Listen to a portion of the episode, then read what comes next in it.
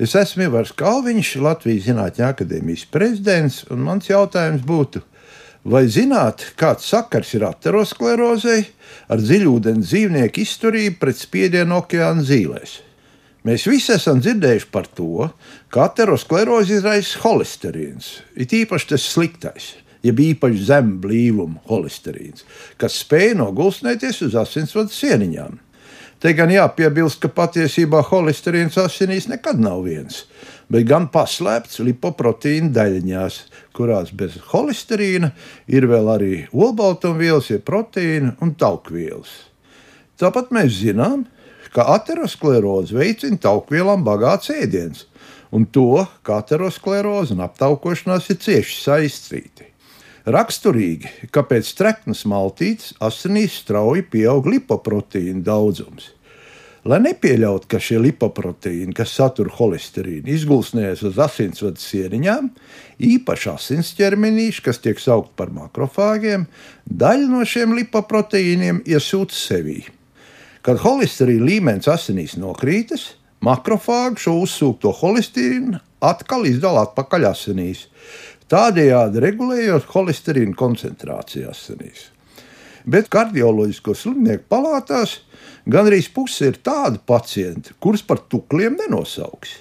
Un tomēr arī šie pacienti sirgst ar aterosklerozi, it īpaši tie, kam garšo kārtīgs lielopu gaļas steiks. Plaša starptautiska zinātnieku grupa mēģināja noskaidrot, kas šim fenomenam varētu būt par cēloni. Viņi pievērs uzmanību tam, ka lielopu gaļa ir īpaši bagāta ar karnitīnu, jeb vielu, kas plaši pazīstama kā uzturu bagātinātājs. Karnitīnam piemīt spēja nodrošināt augstskābi transportu uz to sadedzināšanas vietu mūsu šūnu iekšienē, tādējādi veicinot enerģijas ražošanu cilvēku organismā. Izrādījās, ka sirds un asinsvadu slimību ar sāgām sekām būtiski vairāk ir tiem cilvēkiem, kur uzturā ir vairāk karnitīna. Baktērijas, kas mīt mūsu kuģa zarnu traktā, spēj sašķelt ar uzturu uzņemto karnitīnu, veidojot trimetilamīnu, kas mūsu aknās pārtop par trimetilamīnu oksīdu, jeb TMAO.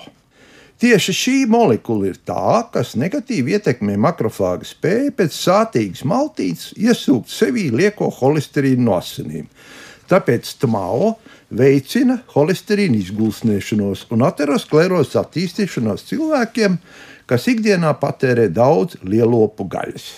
Zīmīgi, ka Tmao jau agrāk tika atklāts dziļūdens zivju un citu jūras iemītnieku organismos, kur šī viela nodrošina palielinātu pretestību pret ārējo spiedienu, ļaujot tiem izdzīvot milzīgā spiediena apstākļos, kāda ir raksturīga okeāna zīlēm.